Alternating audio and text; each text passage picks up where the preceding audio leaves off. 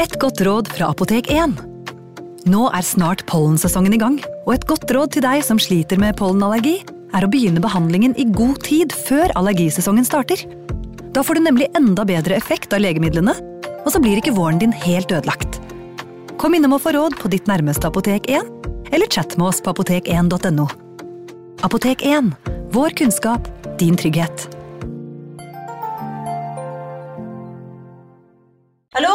Jeg kommer fra Oslo politikammer. Ine Jansen er purk. Er du purk? The motherfucking bitch. Alt jeg vil, er å finne ut hva som skjedde med mannen min. Jon Carew. Er jeg sikta for noe? Iben Akeli. Det er du. Ole So, Lars Berrum og Big Daddy Karsten. Hvem sin side er du på, egentlig? Anette Hoff, Tone Danielsen, Kommer du fra Afrika? Jørnis Josef, Nesten. Kløfta. Trond Espen Seim, Det er synd å si det, men det var feil mann som døde. Purk. Premiere tirsdag på TV2 Play. Hei! Takk for at du lytter til True Crime Podden dokumentar. Skulle du ønske at du kunne høre en ny episode av denne podkasten hver eneste uke? Vel, da er det bare å laste ned podkastappen Untold med en gang.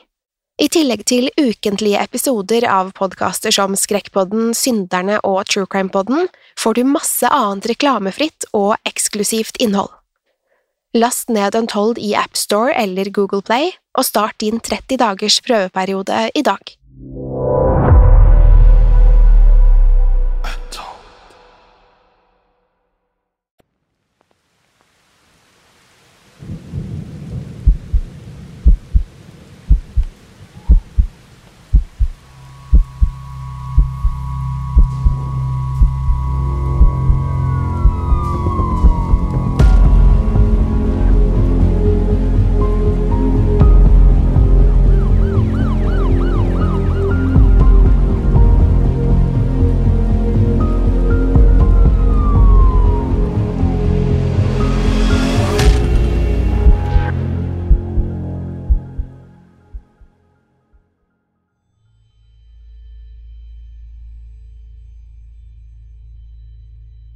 Den mørke vannflaten lå nærmest urørlig, og gikk i ett med nattehimmelen.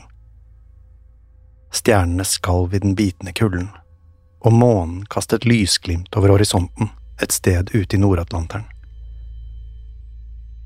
Det ville ikke vært en lyd å høre noe sted, om det ikke var for de dempede skrikene og ropene om hjelp i det fjerne. Tusen stemmer skar gjennom natteluften og vitnet om en forferdelig katastrofe.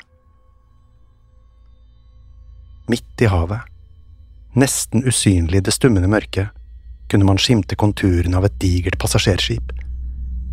Det største verden noen gang hadde sett. Et hundretalls lommelykter var det eneste som skinte opp det ellers mørklagte skipet. Lysstrålene beveget seg lynraskt gjennom mørket og avslørte fartøyets tilstand. Baugen på den enorme skuta lå allerede langt under vann, og akteren var i ferd med å løftes ut av sjøen. I det mørke vannet rundt forliset plasket hundrevis av mennesker mens de kjempet for å komme seg unna. Skrikene økte i volum og intensitet da et voldsomt leven steg opp fra havdypet. Et øyeblikk var det som om alle holdt pusten og ventet på det som skulle komme. Plutselig knakk hele det digre skipet i to, og akteren smalt mot vannflaten med et veldig brak. Plasket sendte en bølge bortover vannet, og for første gang den natten skummet den stille sjøen. En stund kunne det virke som om det var slutten på marerittet. De som fremdeles var igjen på skipet, hadde likevel en ganske annen oppfatning. Kun sekunder etter at akteren hadde truffet vannflaten, ble også den trukket ned i dypet. I livbåtene rundt forliset stirret folk i frykt og vantro, mens bakdelen på skipet løftet seg opp i været. Skrikene til passasjerene om bord døde ett etter ett da akteren ble sugd ned i den iskalde Nord-Atlanteren. I løpet av kun noen minutter hadde verdens største passasjerskip, RMS Titanic, sunket til havbunnen og tatt 1500 mennesker med seg i dypet. Mens livbåtene rodde bort fra dragsuget, kunne de fremdeles høre plaskingen i vannet og hundrevis av stemmer. De tryglet om hjelp og om at båtene skulle komme tilbake, men ingen lyttet. En av verdenshistorien mest omtalte katastrofer var et faktum. Titanic lå på bunnen av Atlanteren, og skipets passasjerer var etterlatt for å dø i det iskalde vannet. Sjøfart har alltid vært viktig for mennesker. Siden begynnelsen har vi brukt vannet til å transportere varer, produkter, post og ikke minst folk. Vannets vei var til havet, og havet ledet ut til den store verden. Etter de første bølgene med utvandring fra Europa til Amerika var det mange som ønsket å besøke de to kontinentene, enten for å pleie arbeidsrelasjoner eller for å starte et nytt liv. Da 1800-tallet gled over i 1900-tallet, markerte det derfor starten på et helt nytt og spennende marked, nemlig turisme. Sjøfart trengte ikke lenger å være et strev med dårlig komfort og rasjonering av proviant. Med nye, større skip kunne reiser over havet bli en luksusferie. Selv lengre reiser, som over Atlanterhavet, kunne være mer enn kun praktiske. Nå var det ikke lenger forbeholdt de som hadde spesifikke ærender på den andre siden av havet.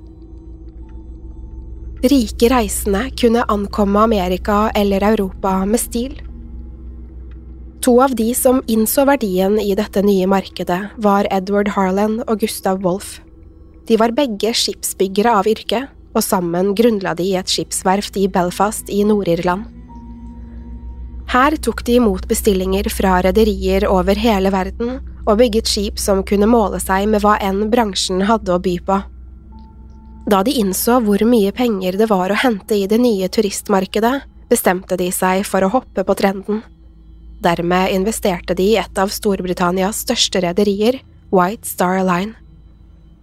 Siden midten av 1800-tallet hadde White Star vært pionerer innen luksusreiser til vanns.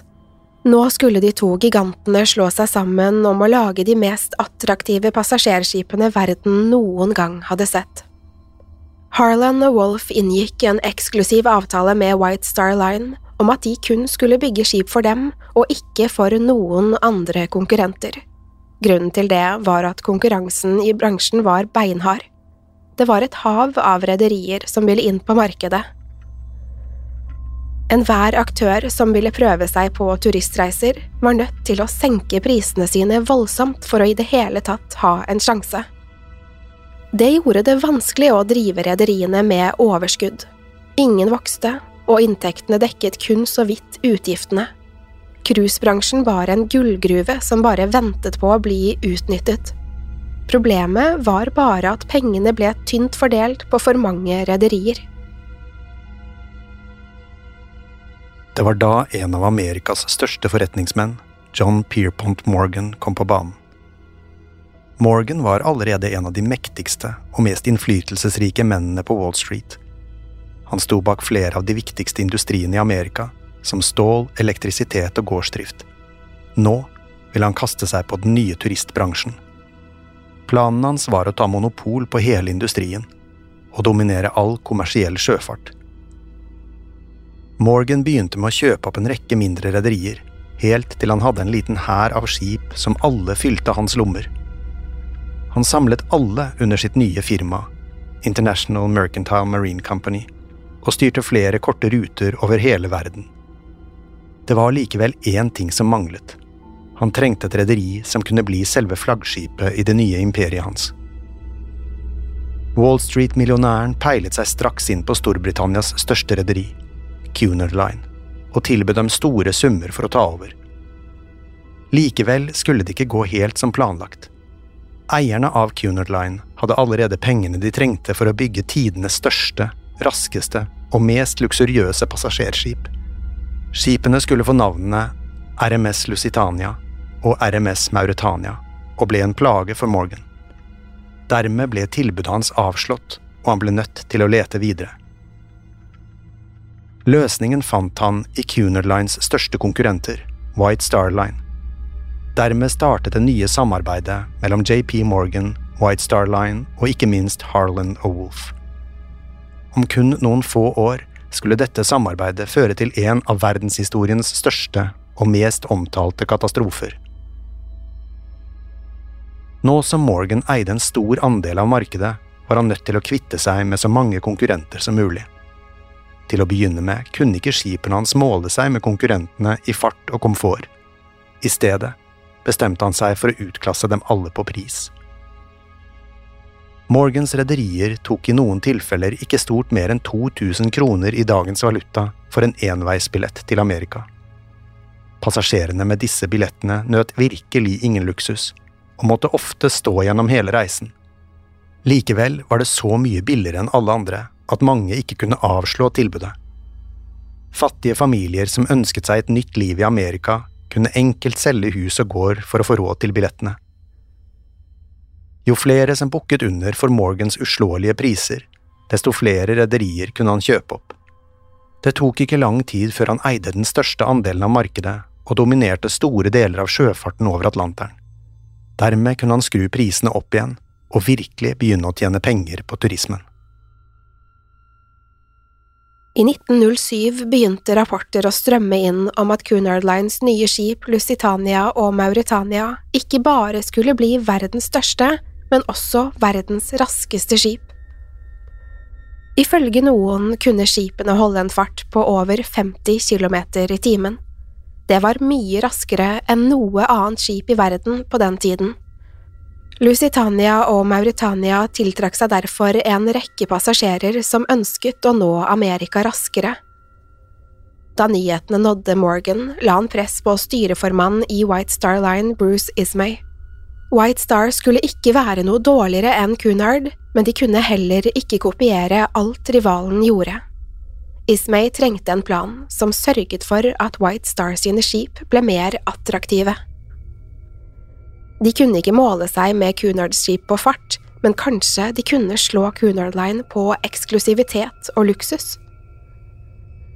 I Ismays hode var luksus synonymt med størrelse. Dermed begynte han planleggingen av en ny serie passasjerskip. Disse skulle slå alle forgjengere i størrelse og prakt og være mer storslagne enn noe som var blitt sett tidligere. I tillegg skulle de ha det siste innen luksus og komfort. White Star Lines nye Olympic-serie av passasjerskip skulle ha alt man kunne finne på land, og som vanligvis ikke var tilgjengelig på skip. Ismay ønsket seg kompliserte heisystemer som sendte passasjerene opp og ned mellom dekkene.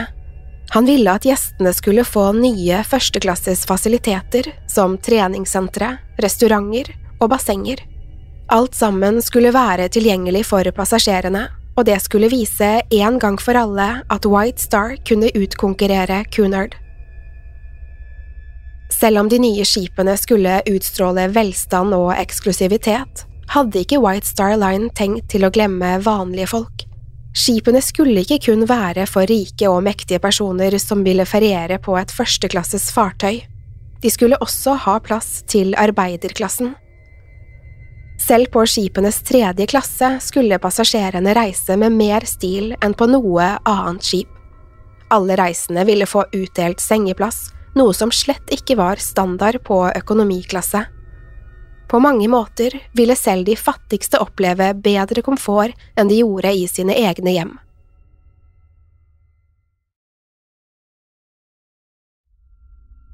I 1908, ett år etter at Cunards passasjerskip ble sjøsatt, ble planene for den nye Olympic-serien godkjent. Nå skulle White Star Lines største investering noensinne bli en realitet. Til å begynne med ble to skip bestilt, og Harlan og Wolff startet byggingen av RMS Olympic og søsterskipet RMS Titanic. De to skipene skulle være nærmest identiske, og byggingen ble påbegynt samtidig. Harlan og Wolff satte straks i gang med arbeidet, men det skulle ikke ta lang tid før de møtte på økonomiske hindringer. JP Morgan hadde satt et strengt budsjett på byggingen og nektet å investere en krone mer. Skipsverftet hadde kun de pengene de hadde fått tildelt, og var nødt til å klare seg med det. Det var ikke tvil om hva som var viktigst for rederiet og investorene. Skipene skulle være i verdensklasse på størrelse, komfort og luksus. Dermed ble det hovedfokuset for byggingen. Jaget etter å være størst og best gikk derfor på bekostning av kvaliteten på materialene og sikkerheten. En av de største utfordringene ved byggingen var å få skipene store nok. RMS Lusitania og RMS Mauritania var allerede nærmere 240 meter lange. Om de skulle kunne kalle seg verdens største skip, var de nødt til å slå dette tallet. Problemet var bare at budsjettet på stål til skrogene var for lave.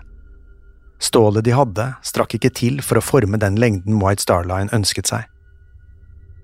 For å få stålet til å rekke lenger, blandet de inn svovelsyre og pumpet inn luft i stålblandingen. Dette sørget for at materialene ble mer tøyelige, men gjorde også skrogene på både Olympic og Titanic mye mer porøse. Om noe skulle treffe med for stor kraft, ville skroget bli revet opp, i stedet for å bulkes inn. Det var slett ikke uvanlig å blande stål med svovelsyre og luft i skipsbygging. Likevel var mengdene på et helt annet nivå enn i andre byggeprosesser. For å kompensere for det porøse skroget ble det satt inn andre sikkerhetstiltak. De nederste dekkene på skipene var utstyrt med 16 vanntette kamre. Om skipene skulle begynne å lekke inn vann, ville vanntette luker smekke igjen og forhindre at vannet beveget seg videre gjennom skipene. De ble designet slik at hele fire kamre kunne fylles med vann uten at skipene ville synke. Med det fikk den nye Olympic-serien et rykte på seg for å være usynkelig. Det var likevel en annen avgjørelse som ble tatt som ville få katastrofale følger. Ifølge de opprinnelige planene skulle det bli plass til 48 livbåter om bord på RMS Olympic og RMS Titanic. Det ville være nok til å dekke de totalt 3400 menneskene som fikk plass om bord, inkludert mannskapet. På grunn av det stramme budsjettet ble det bestemt at skipene kun skulle utstyres med 20 livbåter. Det Olympic og Titanic manglet på sikkerhet, tok de likevel igjen på komfort og ren luksus. Færre livbåter på promenadedekkene betydde nemlig bedre plass til førsteklassereisende til å nyte havutsikten. Billigere materialer sørget for at White Star Line kunne fokusere på å gjøre fasilitetene på skipene unike og storslagne. Det mest imponerende med skipene var likevel størrelsen. Titanic, som skulle bli det største av de to passasjerskipene, var over 260 meter lang og 28 meter bred. I tillegg var det over 32 meter høyt og hadde hele ti dekk. Åtte av disse var forbeholdt passasjerene, mens resten skulle fylles med gods og huse mannskapet. Dypest i skroget på Titanic var lasterommene og maskinene som holdt skipet i gang. Der skulle ikke passasjerene ha adgang, men en rekke arbeidere ville tilbringe store deler av reisen der nede. De digre kullbrennerne og turbinene var større enn på noe tidligere skip og var gjemt dypt inne i skroget. Over maskinrommene var dekkene navngitt med bokstaver fra A til G. Jo høyere på Titanic man kom, desto dyrere og mer luksuriøst ble det. Øverst var det som kaltes båtdekket. Her var broen hvor skipet ble styrt fra. I tillegg var det lugarer for kapteinen og øvrige offiserer på båtdekket. Lenger bak på skipet var det flere takterrasser. Under båtdekket var dekk A og B, som huset førsteklassepassasjerene. I tillegg var det flere stuer, kafeer og restauranter. Der kunne passasjerene nyte luksuriøs servering fra noen av verdens ypperste kokker i de nedre delene var det flere spisesaler, biblioteker og røykerom. Passasjerer fra andre og tredje klasse hadde sine lugarer der. Likevel var ulike områder avgrenset for hver klasse. Passasjerer på første, andre og tredje klasse skulle ha lite med hverandre å gjøre. Derfor hadde alle klassene sine egne spisesaler og fasiliteter på forskjellige dekk på skipet. Så, etter fire års iherdig bygging, sto RMS Titanic klar i 1912. Drømmenes skip skulle endelig ta imot passasjerer for første gang. Det ble sagt at det fremdeles var noen få detaljer som manglet da skipet sto klart til reisen over Atlanteren. I timene før de første passasjerene kom, ble de siste håndtakene skrudd på dørene. I tillegg var det en og annen dørkarm som fikk sitt siste strøk maling. Store blomsterbuketter ble båret inn for å maskere lukten av malingen. Alt skulle være perfekt for Titanics jomfrutur. Kommandoen på Titanic ble gitt til en av Storbritannias mest erfarne sjømenn, kaptein Edward Smith. Han hadde vært i tjeneste hos White Star Line siden 1880 og hadde klatret oppover i gradene raskt. Etter kun sju år i tjeneste hadde han fått kommandoen på sitt første skip, og derfra hadde det gått radig. Med årene hadde Smith fått et rykte på seg blant passasjerer for å være en trygg kaptein. Noen nektet til og med å reise om ikke han var ved roret. Dette ga ham en veldig høy status, spesielt blant rike passasjerer. Å være til havs med kaptein Smith var ansett som en ære både for mannskap og passasjerer.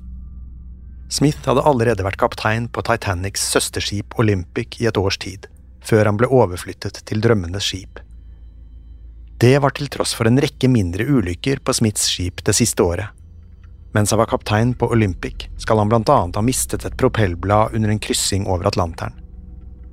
Det mest alvorlige var likevel da han kolliderte med et militært fartøy før de i det hele tatt rakk å forlate britisk farvann. To av de vanntette kamrene på Olympic ble flommet, og skipet måtte returnere til havnen. Smith, som en gang hadde blitt kalt en trygg kaptein, begynte plutselig å få et annet rykte på seg. Nå mente mange at han var blitt for gammel til å kommandere noen av verdens største passasjerskip. Selv om RMS Titanic var blitt registrert i Liverpool, ble det bestemt at skipets rute skulle starte i Southampton. Det var både nærmere London og hadde kort vei til Frankrike. Titanics rute skulle ta passasjerene fra Southampton til Cherbourg i Frankrike, for så å reise videre til Queenstown i Irland før de seilte ut på Atlanteren. Derfra var det strake veien til New York. Tidlig om morgenen 10. april 1912 lå RMS Titanic klar til kai i Southampton og ventet på de 1317 passasjerene som skulle til Amerika. De over 900 ansatte, inkludert matroser, servitører, tjenestefolk og maskinister, var allerede om bord. Nå var endelig alt klart til å reise. Det eneste som manglet, var å få alle passasjerene innkvartert. Snart stimlet et folkehav seg sammen på havnen. Det var som alle hadde dukket opp samtidig, og nå var kaien fylt med mennesker, biler, hester og kofferter. Da de alle fikk se det storslåtte luksusskipet for første gang, ble mange stående og måpe. Titanic var et skip uten like. De fire digre pipene strakte seg langt til værs, og ut av dem veltet det store mengder røyk. Skipet var vakkert malt i svart, rødt og hvitt, og hadde flere vinduer enn noen kunne telle. Spenningen var til å ta og føle på. Mange av passasjerene hadde solgt alt de eide for å få råd til en enveisbillett til Amerika. Titanic skulle bli deres redning fra det trauste livet i Europa og starten på deres nye liv i Statene. Nede på kaien ble alle passasjerene, utenom de på første klasse, grundig undersøkt før de fikk gå om bord. Offiserer sto med lusekammer og sjekket alles hodebunn og skjegg. De ville nødig at det skulle bli noe luseutbrudd blant passasjerene. Etter hvert som RMS Titanic ble fylt opp med passasjerer og gods, samlet venner og familie seg på kaien for å ta farvel. De øverste dekkene på skipet ble fylt til randen av passasjerer som vinket ned til alle de fremmøtte. Tilskuerne vinket igjen, og jublet og ropte da ankeret ble hevet og fortøyningene løsnet. Med ett var luksusskipet Titanic på vei ut av havnen i Southampton. Allerede før de var kommet ut på åpent hav, skulle skipet nesten støte på problemer. En annen båt, som også lå til kai i Southampton, hadde slitt seg, og nå var den på vei rett mot Titanic. I siste øyeblikk klarte kaptein Edward Smith å styre unna slik at de ikke kolliderte. Etter et kort opphold i havnebassenget var Titanic på vei igjen. Turen gikk videre til Chebourg i Frankrike. Der skulle Titanic plukke opp flere passasjerer. Ved havnen ble det tydelig at skipet var for stort til å legge til kai. Dermed ble de nye passasjerene og all bagasjen deres brakt ut på vannet i en mindre båt. Derfra bar det videre til Queenstown i Irland, hvor enda flere passasjerer bordet. Nå oppholdt det seg nærmere 2200 mennesker på skipet. Da ankeret ble hevet for tredje gang den 11. april, ble kursen satt mot New York City. Før noen av passasjerene skulle nå destinasjonen, ville over 1500 av dem være døde. Folk sto igjen på kaien og vinket ivrig mens det digre skipet forsvant ut på havet. Ingen kunne se for seg at om kun noen dager ville drømmenes skip bli til et mareritt for alle om bord. Den storslåtte og majestetiske Titanic skulle snart møte sin ende, og nærmere to tredjedeler av passasjerene skulle omkomme i den iskalde Nord-Atlanteren.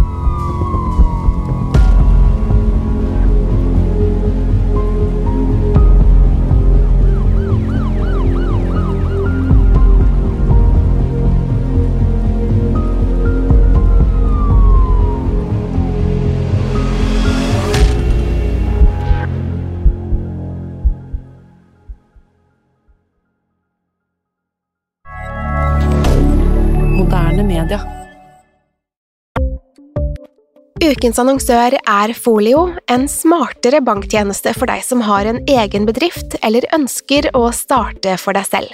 Folio er en superenkel nettbank for bedrifter. Som kunde i Folio får du en bedriftskonto med et bedriftskort og app. I denne appen er det smarte løsninger som forenkler regnskapet ditt, uansett om du har en liten bedrift eller et enkeltpersonsforetak. Folio er både intuitivt og brukervennlig, og er laget med et enkelt språk. I tillegg tilbyr de forutsigbare priser og ingen skjulte gebyrer. Skulle du likevel trenge det, så kan du snakke med deres raske og hyggelige kundeservice, og der får du prate med en faktisk person og ikke en chatbot. Folio er med andre ord både enklere og koseligere enn banken. Over 10 000 bedrifter har allerede valgt Folio som sin banktjeneste, så besøk folio.no og se hvordan Folio kan forenkle din hverdag også.